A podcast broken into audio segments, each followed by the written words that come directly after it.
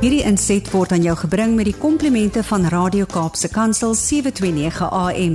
Besoek ons gerus by www.cape pulpit.co.za. Hallo Gilma, ek hoop dit gaan goed met jou en dat jy 'n goeie dag sover gehad het en ook vir die luisteraars dat die week en die dag sover goed was. Uh vandag bel ek bietjie hierso uit België uit van alle plekke. Uh, ek so 'n bietjie vir 3 dae hier in Brussels met 'n uh, paar uh, vergaderings net met met sommige van ons spanne en so voorts. Uh vandag wil ek spesifiek gesels en dit ek dink dit gaan so 'n bietjie dit dit daar so 'n bietjie soos Engels sal sê 'n bietjie 'n link tussen wat met my ook bietjie hierdie week aangaan en wat ek dink baie belangrik is vir leiers om altyd bewus van te wees, maar ook spesifiek om op te fokus ehm um, wanneer jy bietjie in 'n nuwe rol of in 'n nuwe omgewing inbeweeg. En dit gaan maar daaroor dat jy as leier moet seker maak dat daai wit olifant wat in die kamer staan baie keer aangespreek moet raak. Of dit moet aandag kry om sodoende seker te maak dat uh, dit nie voortgaan wat potensieel aangaan en uh die die slagspreuk is maar net uh, baie keer is daar iets wat almal bewus is van maar niemand wil daarvan praat nie want dit is 'n baie sensitiewe uh area om aan te bespreek of aan te spreek of net net iets wat almal half bang is om uh uh te daarop te reageer en basies dit te probeer oplos. Nou die spreekwoord gaan gewoonlik so 'n bietjie verder. Hulle sê moenie die wit olifant in die in die kamer uh uh miskyk of los nie uh want dalk as jy loop kom jy terug en dan sou hele hele huis te mekaar gemaak deur deur die olifant. Nou spesifiek vir my wat baie belangrik is is dat ons as leiers en ons definisie van leierskap is dat dit nie posisionele leierskap is nie maar impak leierskap. Leierskap en leiers en mense wat uh drie goedjies moet doen. Eerstens ons moet besef dat ons invloed en impak het en almal het invloed en impak maar dit is jou keuse om om om kognitief en intentionele besluite te maak om positiewe invloed en impak te hê. Mens kan of positiewe invloed of impak hê, geen invloed of impak hê nie wat baie keer uh of uh, meer na die negatiewe kant toe toe neig en dan negatiewe invloed en impak. So jy moet weet en jy as leier en as mens kan weet dat daar gedurende die dag baie geleenthede en oomblikke is vir invloed en impak jy moet dit dit is belangrik om dit raak te sien en dan om 'n besluit te maak om positiewe invloed en impak te hê. So om te dink uh kan jy positiewe invloed en impak hê by wanneer jy gelyktydig by 'n stopstraat aankom saam met 'n ander persoon?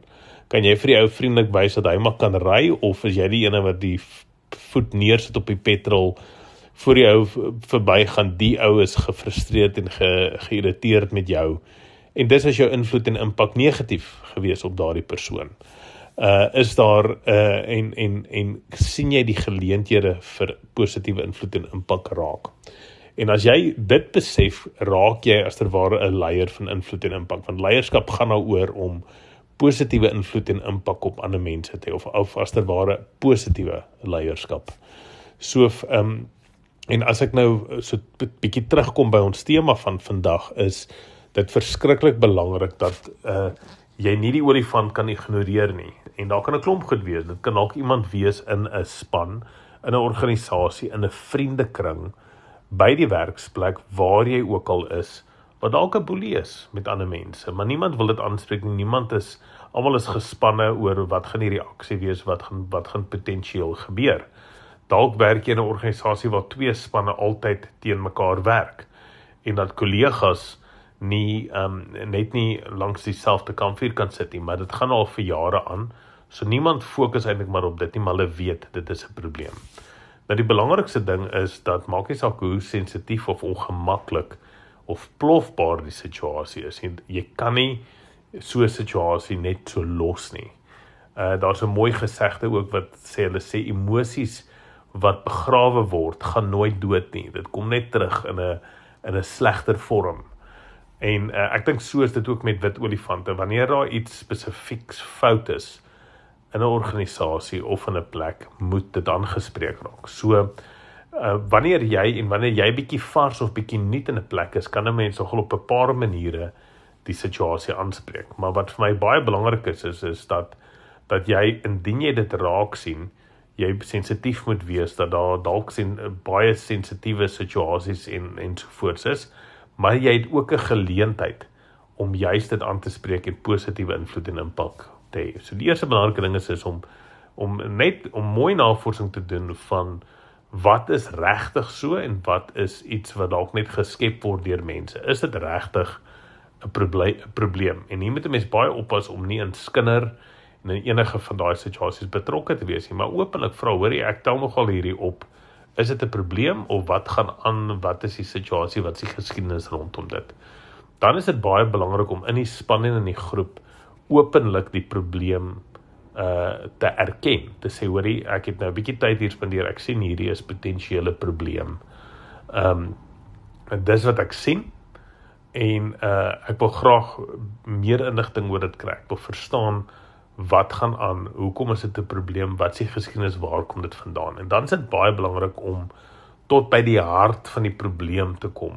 Wat is hier? Wat is die probleem? En wil julle sommer net so vinnig net stop is dis baie keer is dit nie 'n persoon nie, maar is omstandighede rondom dit. Uh maar dit ook gesê partykeer is dit 'n persoon ongelukkig. Maar dis baie belangrik om agterkom waar lê die spesifieke probleem en dan openlik te sê kom ons bespreek dit en kry die regte forum waarbinne dit bespreek moet raak of dit nou is 1 tot 1 dalk met 'n persoon of in die senior leierskapsgroep of waar die probleem ook al lê maak seker dat die omgewing die regte omgewing is. Ek sal bietjie meer volgende week oor dit gesels van wanneer daar groot verandering nodig is, wat is die areas en die stappe wat 'n mens in plek kan sit om so net te doen. Maar maar vandag wil ek fokus dat wanneer daar 'n wit olifant is of wanneer daar 'n baie groot probleem is wat almal van bewus is, maar niemand van praat nie, kan 'n mens dit ongelukkig nie net so los nie. Jesus was fascinerend vir my weer eens met dit gewees hoe hy wit olifante oral uitgehaal het en uitgewys het en hy dit en om en uh, dis my fascinerend weer eens hoe, hoe mense net kan sien hoe hy God ook was in sy manier hoe hy die situasies absoluut perfek hanteer het. Uh, ek dink net so aan die vrou wat die ehm um, die fariseërs aangebring het en gesê het hierdie vrou is nou net met oorspel uh gevang wat moet ons doen? en hoe Jesus die wit olifant in hulle lewe ook uitgewys het en gesê het wel enige van julle wat nie sonde het nie kan die eerste klip gooi. En ehm um, dis so belangrik dat jy as leier tot by die kern van 'n probleem moet probeer kom en die probleme reg moet aanspreek. Maar ek's 'n bietjie verder oor dit volgende week gesels. Baie lekker dag vir julle verder. Mag dit 'n geseënde week wees. Ek hoop dit is al bietjie warmer daar by julle.